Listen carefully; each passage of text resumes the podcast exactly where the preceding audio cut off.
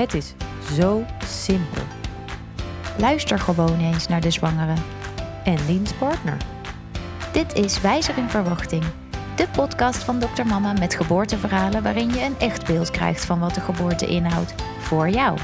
In elke aflevering ontvangen we nieuwbakken ouders die hun verhaal met ons willen delen. We duiken het verhaal dieper in en ontrafelen gevoelens en gebeurtenissen. En tevens slaan we een brug tussen de ouders en de medische wereld. Wij zijn Brechtje En Meerte, van Dr. Mama. Artsen die je echt goed voorbereiden op de geboorte. En deze week praten we met Evelien en Matthijs over de geboorte van hun kindje. Donderdagavond, 18 juni. Ik kan het me nog goed herinneren. We liepen die avond samen buiten een rondje, zoals we de afgelopen dagen wel vaker deden.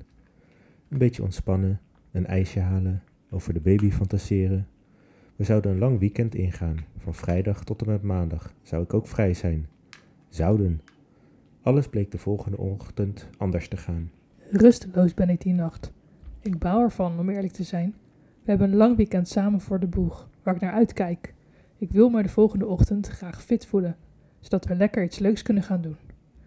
Ik ga voor de vierde keer naar de wc en klim weer terug in bed. Klim, want ons bed is een ingebouwd bed van 1 meter hoog. En binnen no time sta ik weer op de grond, want plotseling zijn mijn vliezen gebroken. Vrijdagochtend, 5 uur. Je komt net terug van de wc en klimt weer in bed. Je ligt nog geen seconde of je springt er weer uit. Water, water, water. Ik schiet gelijk recht overeind. Mijn vliezen zijn gebroken, denk ik. Je doet het licht aan en ik zie allemaal water op de grond liggen. Mijn hart begint gelijk sneller te kloppen. Er gaan zoveel gedachten door me heen. Dit is het moment, maar nu al? Wat betekent dit ook alweer? Wanneer mogen we ons kindje verwachten? Dit weekend? Of kon het ook alweer nog langer duren? Shit, geen lang verlof, want nog geen 1 juli. Maar ach, ons kindje komt eraan. Jij bent meteen wakker doordat ik zo razendsnel uit bed op de grond spring. Samen kijken we naar de kleur van het vruchtwater. En dat ziet er allemaal goed uit. Bij elke beweging verlies je meer water. Voel je al wat? vraag ik. Nee, nog niet, zeg je. Toevallig hadden we gisteravond nog zo'n matje in bed gelegd dat het water zou moeten opvangen. Maar dat matje hadden we er ook weer heel snel uitgehaald. Het kraakte, vervelend bij het liggen en het lag totaal niet lekker. Zal je altijd zien natuurlijk. Ik ga maar snel op zoek in huis naar al het maandverband dat ik kan vinden. Niet dat het wat uitmaakt, want alles is bij elke beweging gelijk doorweekt. We besluiten, na een warme douche, nog even te gaan slapen, aangezien het pas vijf uur in de ochtend is. Door het besef dat de baby nu zo snel in ons midden zal zijn, kunnen we de slaap niet echt vatten. Maar toch hebben we nog wel wat slaap gepakt. Om negen uur bellen we de verloskundige. Ze komt vanmiddag bij ons langs, zegt ze, rond een uur of twee. Nog steeds geen gevoel van weeën. Ik vraag me af of ik nu de hele tijd binnen moet blijven of niet.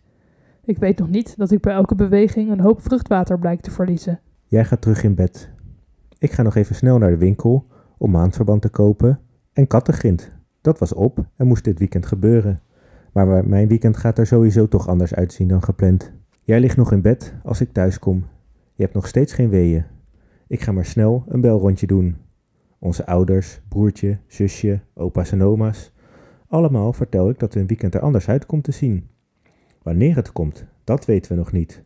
Maar vaststaat dat zij opa en oma worden, oom, tante of zelfs overgrootouders. Van een jongen of een meisje. Ook dat is nog steeds de vraag. Het is inmiddels half elf. Je voelt wat. Langzaam komt er beweging in. Je besluit te gaan douchen. De weeën komen nu vrij snel op gang. Ik besluit weer onder de douche te gaan. Lekker warm en ik bounce op de skippy Jij smeert een paar boterhammen en komt bij me zitten. Tijdens deze picknick op de badkamervloer praten we over hoe snel het nu zal gaan. Dat ons kindje waarschijnlijk binnen 72 uur geboren wordt. En wanneer het dan zal gebeuren. Het gaat snel. De weeën komen op gang. En rond 12 uur zijn ze regelmatig. Het duurt niet lang of het wordt heftiger. Inmiddels vang je al liggend in de douche de weeën op. Je doet het fantastisch. Wat ben ik trots op je. Na een heftige wee ben je het douchen zat. Je gaat weer terug naar bed. Dat ligt toch wat relaxter dan zo'n stenen vloer. Ik ga onder de douche vandaan en ga op bed liggen. Met de tens. Jij plakt de plakkers waar ze horen en ik druk op de knop in de hoop dat het de pijn verlicht. Ik weet tot op de dag van vandaag eerlijk gezegd niet of dat het deed. Inmiddels is het aan hoor. Weeën, komen en gaan. Ik probeer er doorheen te kletsen, voor afleiding te zorgen. Maar dat lukt niet altijd. Rond 1 uur raak ik in een lichte paniek. Ik heb van tevoren aangegeven dat ik in het bevalcentrum wil bevallen, in bad. Maar de pijn is zo heftig dat ik twijfel of ik het wel kan zonder medicatie. De weeën worden heftiger. Ik weet niet of ik het aan kan, zeg je. Natuurlijk wel. Je bent supersterk. Je kan dit. Jij probeert mij eruit te praten. Dat ik het wel kan. Dat ik sterk ben en nog veel meer liever worden. Alleen het paniekgevoel blijft enigszins. En ik wil dat we nogmaals de verloskundige bellen. Bel opnieuw de verloskundige, zeg je. Ik kan dit niet aan. Ik wil nu een ruggenprik. Ik probeer haar te bellen, maar krijg haar niet te pakken. Gelukkig is het wel bijna kwart over twee, dan zou ze namelijk komen. Ergens voel ik me machteloos. Ik wil je helpen, maar weet even niet goed hoe. Ik probeer positief te blijven, aan te geven dat niemand zo sterk is als jij. Ik blijf je positief coachen, maar hoop toch ook echt dat de verloskundigen er snel zijn. Kwart over twee. De deurbel gaat. Tamar, de verloskundige in opleiding, en Johanne zijn er. Hen heb ik tijdens mijn laatste controle ontmoet. Tamar zal de bevalling begeleiden onder supervisie van Johanne. Dan blijkt dat je op 7 centimeter zit. 7 centimeter? 7 centimeter! Geen wonder die heftigheid. Je kan het natuurlijk. Jij bent zo sterk. We kijken elkaar aan. In de verte hoor ik Tamar vragen wat we willen. Even blijft het stil. We staan perplex dat het al zover is. De keuze wat we willen is op het moment wat ingewikkeld. Johanne zegt: Evelien, je hebt aangegeven dat je in het bevalcentrum wil bevallen. Dus ik denk dat het verstandig is daaraan vast te houden. Jij geeft aan dat het goed komt, dat je mij door de laatste centimeters heen zal loodsen. Hierdoor komt mijn vertrouwen terug. Tamar belt of er plek is. Een plek met een bad natuurlijk. Gelukkig is dat er. Het bad wordt alvast gevuld. Op naar het bevalcentrum. Tamar helpt mij in mijn kleren, terwijl jij nog wat laatste spullen verzamelt. Ik ga vast richting de auto. Ik moet tenslotte nog twee trappen af. Trap 1 lukt, maar op trap 2 moet ik even gaan liggen om een wee op te vangen. Ik pak snel de bevalkoffer, de paspoorten en geef Kees en Koos, onze katten, nog even te eten. Als ik alles heb gedaan, kom ik je op de trap tegen. Daar zit je, weer een wee op te vangen. Wat een kanjer. Je gaat maar door. Niet dat stoppen een optie is, maar je doet het fantastisch. Dan de rit naar het OVG. De weeën blijven komen, ook onderweg. Het lijkt erop alsof ik voor het eerst rijles heb. Zo voorzichtig rijd ik. Maar gelukkig komen we er. Het is een kort ritje. Van de autorit weet ik niets meer. Ik ben opeens in een lift en vervolgens opeens in de bevalkamer waar het bad volstroomt. Het is drie uur. Je gaat vrijwel direct het bad in. Heet, roep je. Dus eerst nog even koud water erbij. Ik ga in bad en ik voel mijn lichaam ontspannen. Er zijn best wat mensen aanwezig volgens mij, maar het doet er niet toe. Het belangrijkste is dat jij er bent. Jij staat achter mij en voorziet me van water en koele washandjes op mijn voorhoofd.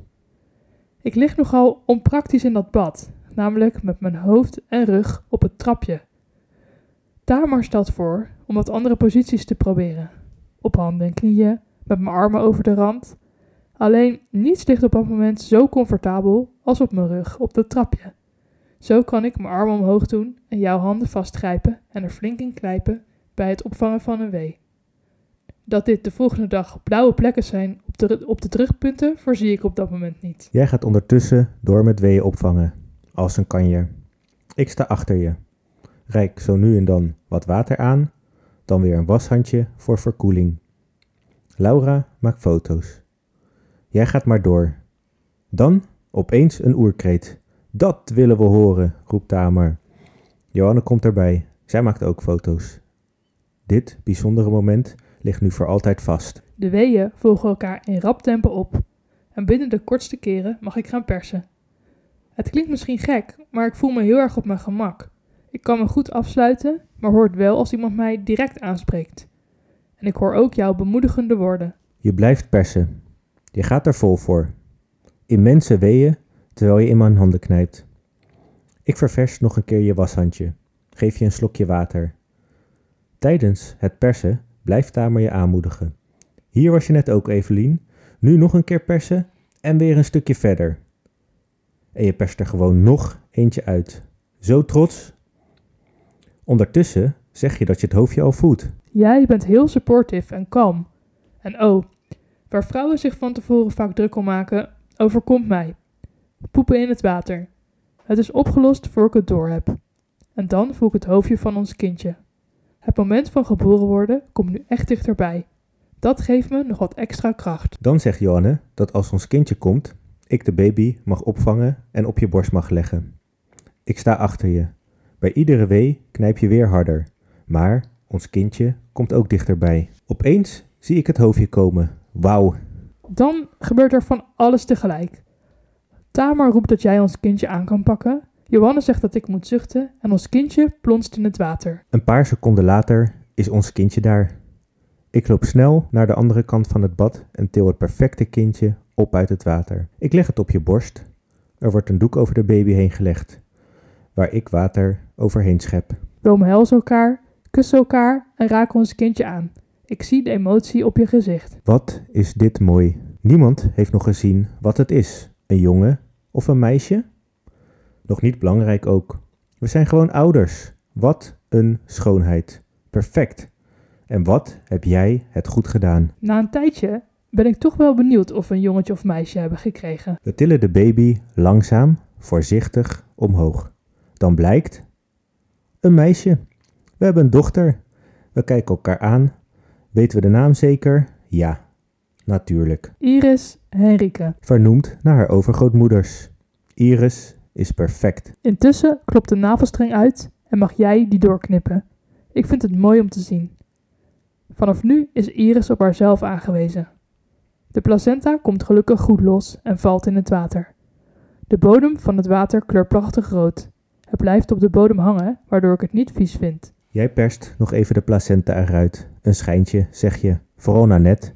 We zijn ouders. Wauw. Wat een bevalling. Wat een bevalling.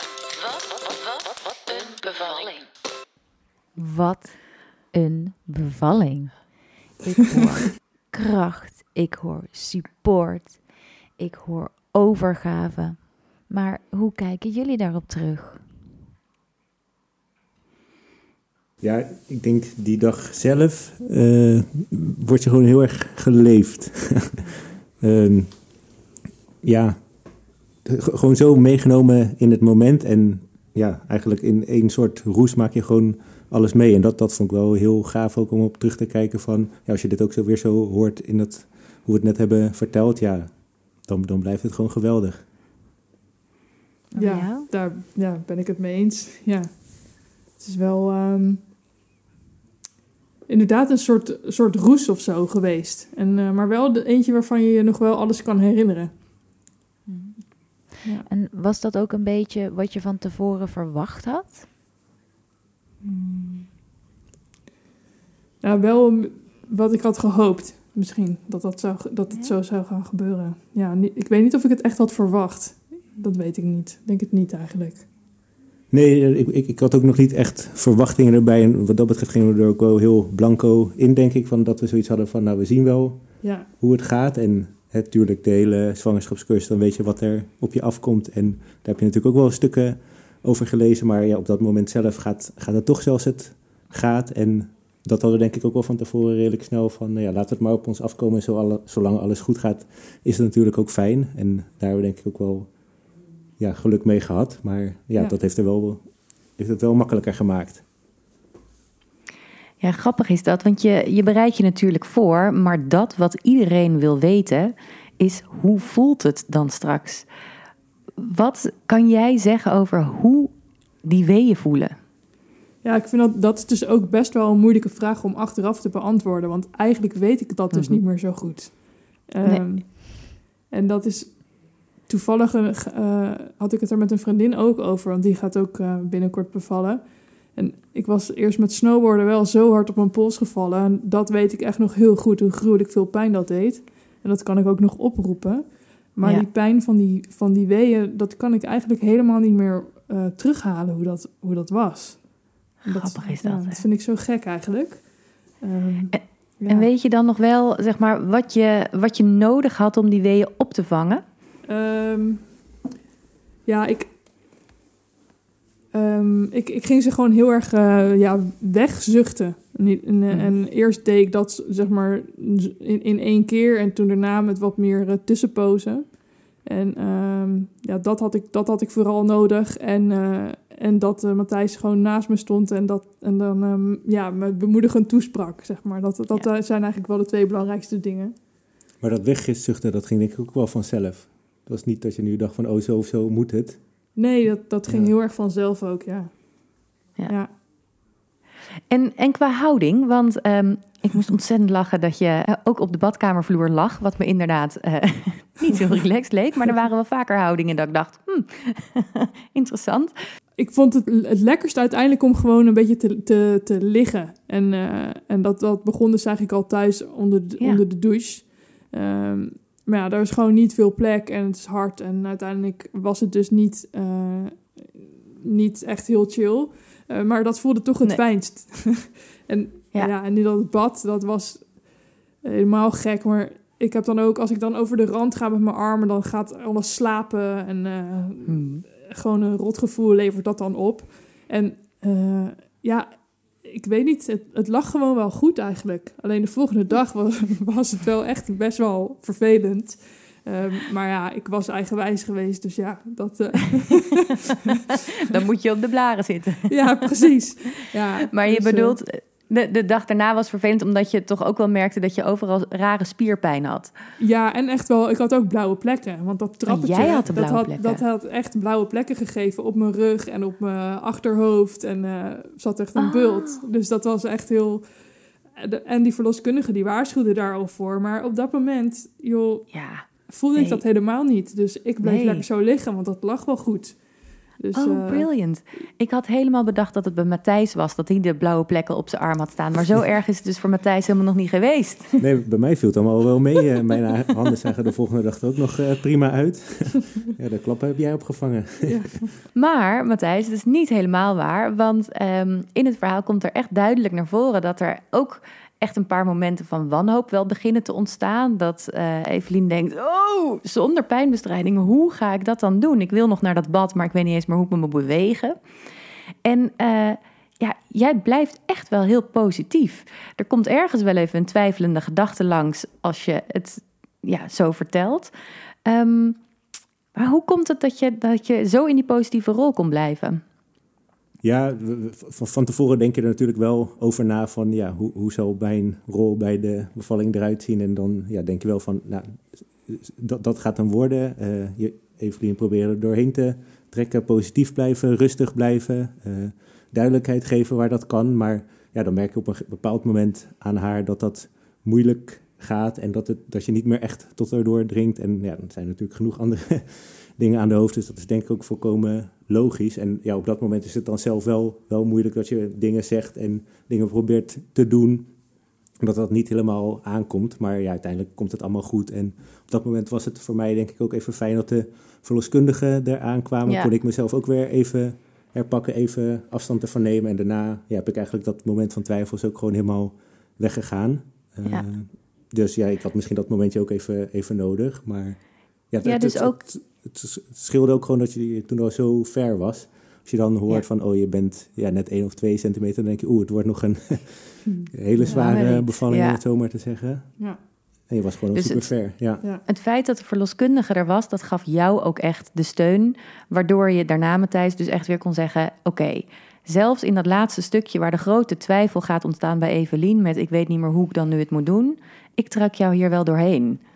Ja, ja, dus, eh, achteraf ja, denk ik ook van, oké, hoe, hoe is dat nou zo gekomen? Maar ja, blijkbaar was het gewoon even nodig. Ik had even die, die afleiding nodig en dat ik ook even met een van die verloskundigen kon praten. Ik weet niet eens meer waarover, maar ik weet nog wel even ja, over, andere, Ja, over andere dingen. En ja, dat was voor mij op dat moment ook even, even, even fijn. En toen kwamen we weer terug bij Evelien en toen dacht ik van, oké, knop is om, we gaan er weer voor. Ja, maar dat vind ik ook mooi daaraan, dat je dus wel aanvankelijk heel overtuigd kan zeggen, woehoe, je gaat het gewoon doen. En dan zelf denkt, eh, ik vind het heftig. Maar dat dus niet laat blijken. Dus je blijft haar steunen. En eh, ja, dat is natuurlijk precies wat ze nodig heeft. Dat jij ook niet in paniek raakt. Stel je voor. Nee, ja, precies, dan ben je allebei nog verder. Dus ik ben ook blij dat dat niet is gebeurd. Maar ja, dat twijfels erbij horen, dat, dat, dat kan. Ja. Hey, want er was ook zo'n moment ehm, ja, dat jullie dus hoorden... je bent eigenlijk veel verder dan je misschien al dacht. 7 centimeter. En dan komt er zo'n bes- beslismoment van waar ga je dan naartoe? En jij zegt, Evelien, die keuze was best nog wel ingewikkeld. Wat was er ingewikkeld aan? Ehm, nou, eigenlijk was het verrassend dat we een keuze kregen. Dat was het meer. Want we hadden al Mhm. gezegd wat we wilden gaan doen. En eh, toen kwam er toch die keuze eh, van ja, wil je misschien nog thuis blijven? Ehm, want anders moeten we wel nu weg. Het was een beetje, dat, dat was een ja. beetje het ding. Eh, en, en dat maakte het ingewikkeld of zo. Ehm, terwijl het al vast stond. Dus het was Mhm. meer... Want twijfelde je ook nog eventjes? Dacht je even, oh, thuis? Hm, nou, misschien? Nee, nee, nee. Ik wilde eigenlijk sowieso niet thuis bevallen. Dus, dus, dus ik weet ook niet... Dat was volgens mij niet de twijfel. Het was meer gewoon de verbazing van... Huh, eh, waarom krijg ik dan nu een keuze? En ehm, dat, ik, dat ik even dacht van... Gaan we het dan nog wel redden om daar dan naartoe te gaan? Of is het dan wel misschien beter om thuis te blijven, snap je? Ondanks dat ik dat niet Ja. wilde. Ja. eh, dacht ik van ja, ik heb ook geen zin om dan eh, halverwege... eh, Ja. Dat het dan opeens al gebeurt. Dus Ja. vandaar dat je opluchtte dat Johan zei, nee, ik weet Ja. het. Dit Ja. was wat je wilde, let's go. Eh, op een gegeven moment, eh, ik ga een beetje fast forward, want je zit nu inmiddels in bad. En dan zeg je, waar vrouwen zich van tevoren vaak druk om maken, overkomt mij. Poepen in het water. Hoe had, je daar, hoe had je dat van tevoren? Hoe dacht je daar van tevoren over? Nou, dat leek me niet heel chill eigenlijk. Nee. Dus ehm, Dus jij hoorde ook wel toch bij, een, bij, eigenlijk bij iedereen die denkt... nou, als Ja, me ja, dat, ja. Oh, als daar dat hoorde niet ik hoeft, zeker vind ik wel fijn. ja, ja. ja. Maar ja, we hadden het er natuurlijk ook al veel over gehad tijdens de, tijdens de cursus. Want dat was wel, dat was wel een topic waar het, eh, waar het over ging. Ehm, en dan weet je wel dat het, dat het eigenlijk heel normaal is dat het, dat het gebeurt. Ehm, dus ja, maar ik vond het inderdaad niet per se dat ik dacht, oh nou yes of zo, dat niet. nee, maar, ik vond het Maar- ook niet beschamend of zo. Nee, precies. Want dat, dat had je misschien van tevoren gedacht, oh my god, dan schaam ik me dood. Maar je stapt er heel makkelijk overheen. Ja, nee, ik had het, dat gevoel had ik dus ook helemaal niet. Want ik dacht, oh ja, dit is dus dat moment en dan, ja, dat gebeurt dan nu en dan is het ook goed. Ja. Dus het viel je eigenlijk mee. Het viel me heel erg mee. Ik vind het nu achteraf weer, weer, eh, weer meer, eh, meer, meer, meer, meer beschamend om het erover te hebben dan toen het gebeurde eigenlijk. Ja, Oh, grappig, want ehm Meert en ik zeiden, oh wat verfrissend dat iemand dat nou gewoon eens benoemt. Iets wat inderdaad, waar heel veel vrouwen van tevoren heus wel even een gedachte aan wijden en niet per se naar, eh, eh, naar uitkijken. ja. Maar je hoort, en het gebeurt volgens mij ook heel vaak. Het is echt een normaal onderdeel van de bevalling. Maar je hoort Ja. er dus eigenlijk bijna nooit iemand over. Ik dacht, yes, wat goed dat ze dat gewoon benoemt. En Ja. dan ook eigenlijk laat blijken hoe eh, makkelijk je daar overheen stapt. Sowieso hoor ik je dat vaker in het verhaal zeggen. Van ik voelde me heel erg op mijn gemak. En Ja. Mhm. ja, een soort van ontspannen. Ja, dat klopt wel. Ja. En, En ik heb het dus ook expres wel in het verhaal eh, erin gezet. Omdat ik Ja. dus achteraf wel dacht van... Oh ja, dit vind ik eigenlijk niet zo heel fijn dat dit is gebeurd. Maar precies om, om dus te laten blijken dat het heel normaal is... dat het op dat moment dus ook geen ding is... heb ik het er wel in gezegd. Ja. Mini Mini Masterclass, Mini Mini Masterclass met Dr. Mama. Bevallen is super intiem. Je geeft jezelf letterlijk behoorlijk bloot. En dan loop je ook nog eens het risico dat je moet poepen in front of everybody. Dat is best een shocker, maar dit beeld behoeft misschien enige nuance.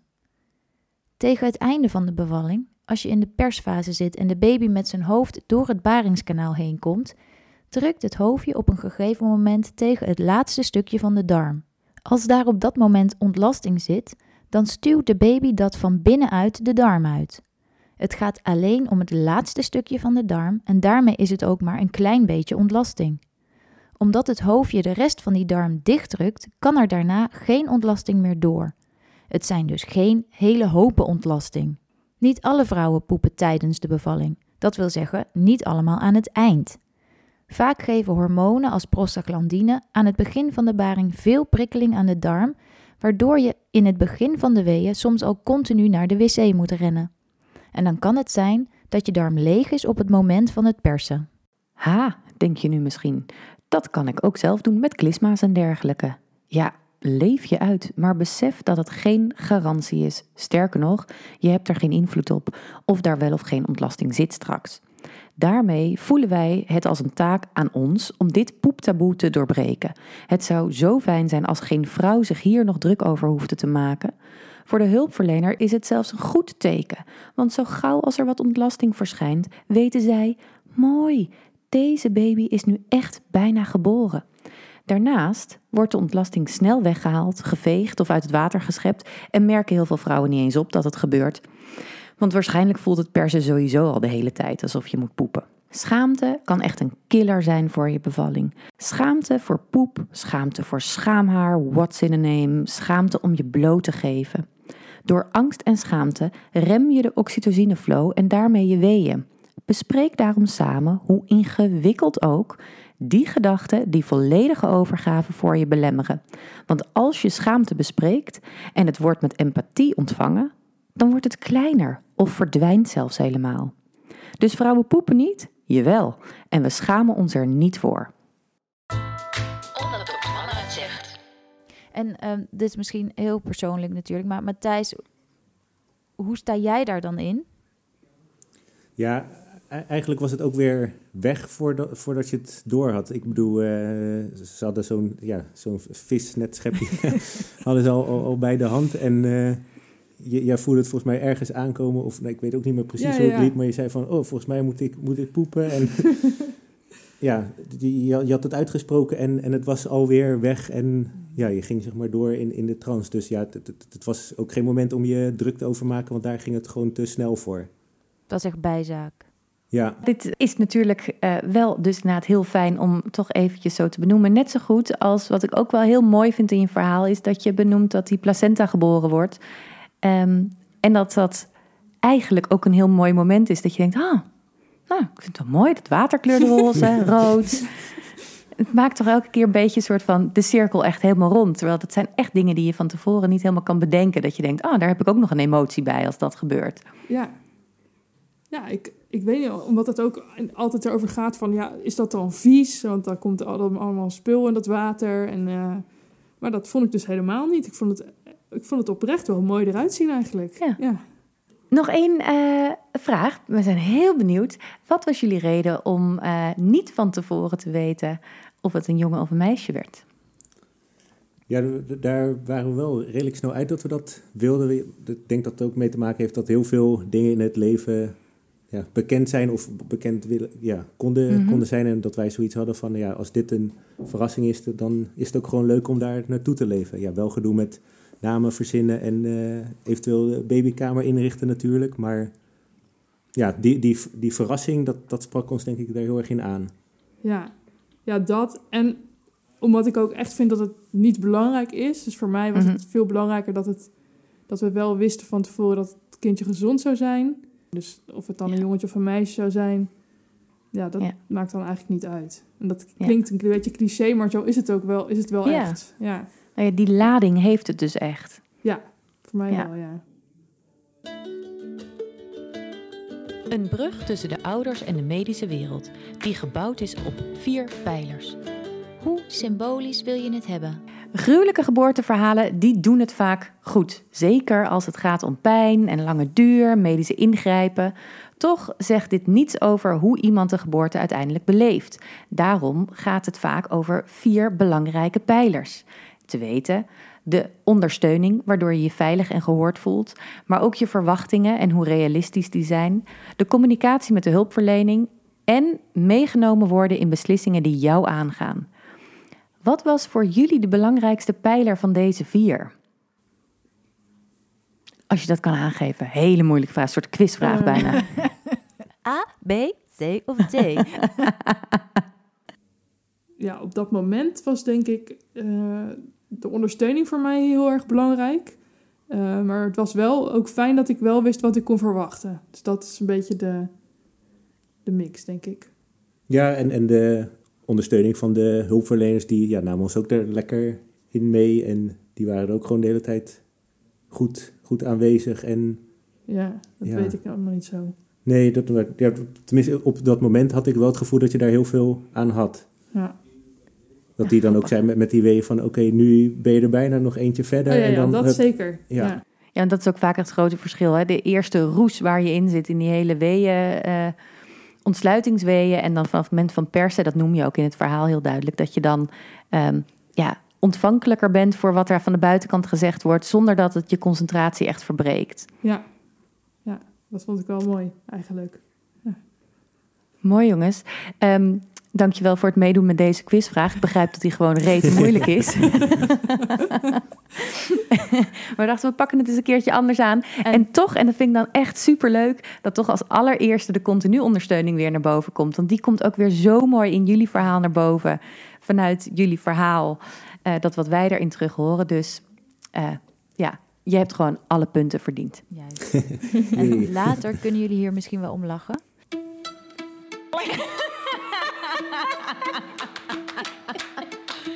Later lachen we erom. Was er nog een leuke anekdote waar we even lekker over mee kunnen lachen? Waar jullie zelf hard om hebben gelachen? Of eh, wat je graag vertelt daarna? Ga jij maar Eh, vertellen? Ja, nee, de, ehm, wat, wat toen Iris eenmaal was geboren en we weer naar huis toe gingen, toen ja, ging ik het autostoeltje halen. Die hadden we nog in de auto laten staan. Maar net op dat moment ja, wist ik gewoon niet meer hoe dat autostoeltje los moet. Dus ik heb denk ik een kwartier staan trekken aan dat ding. En ja, het kwam er maar niet uit. En ik weet ook nog wel dat we de, de dag van tevoren hadden gezegd van... ehm, ja, we, we moeten dat eigenlijk ook nog wel even testen. Dat we, als het eenmaal zover is, dat dat ja, dan gedaan is. Maar ja, daar zijn we natuurlijk niet aan toegekomen. Dus nou ja, daar heb ik ook op de blaren voor moeten zitten. Maar gelukkig is het uiteindelijk gelukt. En eh kon Iris ook mee, eh, veilig mee naar huis. Maar dat was wel even een gedoetje. Klinkt als een bevalling. Ja, ja als dat het was, dan eh, heb ik niks te klagen. Maar En jij, eh, kon jij nog ergens om lachen, Evelien? Nou ja, ik, ik had op dat moment helemaal niet door, want hij bleek, bleef dus ook best lang weg, maar dat had ik eigenlijk niet in de gaten. Oh, lekker maar- stones. Maar ik vond dit wel, ik vond dit wel echt hilarisch dat dit is gebeurd. Gewoon dat, niet voorbereid dat, dat Iris eerder Ja. geboren zou worden. Ehm, en ik vond uit, achteraf, eh, vond ik die wee op de trappen ook echt heel Oh ja. grappig. Ik dacht, ja, als nu, eh, weet ik veel, de postbode kwam of de maaltijdbezorger of zo. Ja, dat gebeurde allemaal niet. Dat was eigenlijk nog leuker geweest, achteraf gezien. Maar eh, ja, dat, Hoe iemand dan aan te treffen, ja. ja, ja, ik weet ook Oh, wel, ik liep man. naar beneden inderdaad. En toen zag ik je daar ook zo liggen van, huh, wat doe jij nou hier? En ja. Verwacht je gewoon niet natuurlijk zo'n plek. Maar ja, je, je had nou eenmaal een voorkeur voor eh, lekker Voor comfortabele liggen. plekken. Dus Ja. ja, dan Ja. de trap er ook wel bij. Liggen vooral op trappetjes. Trappetjes waren helemaal het summum. ja, precies. Oh jongens, dankjewel. Dan zijn we er alweer eh, doorheen. Super bedankt eh, voor jullie mooie verhaal, wat toch ook weer rete snel ging. En vol verrassingen zat dat je denkt, huh, we zijn alweer ingehaald door de tijd, zowel eerder geboren dan 1 juli. Ehm, en dus mis je het verlof. Dan wel eh, snel door de weeën heen en eh, hup, bevallen in bad. Hoe vet is het om ook partners te horen in een geboorteverhaal? Zo gewoon is dat helaas nog niet. Daarom heeft deze podcast jullie hulp nodig in de vorm van sterren en recensies. Want hoe meer aanstaande ouders deze podcast horen, hoe groter de kans op meer gelijkwaardigheid in het ouderschap. Dit was hem weer voor deze week. Heel graag tot volgende week met een nieuwe aflevering.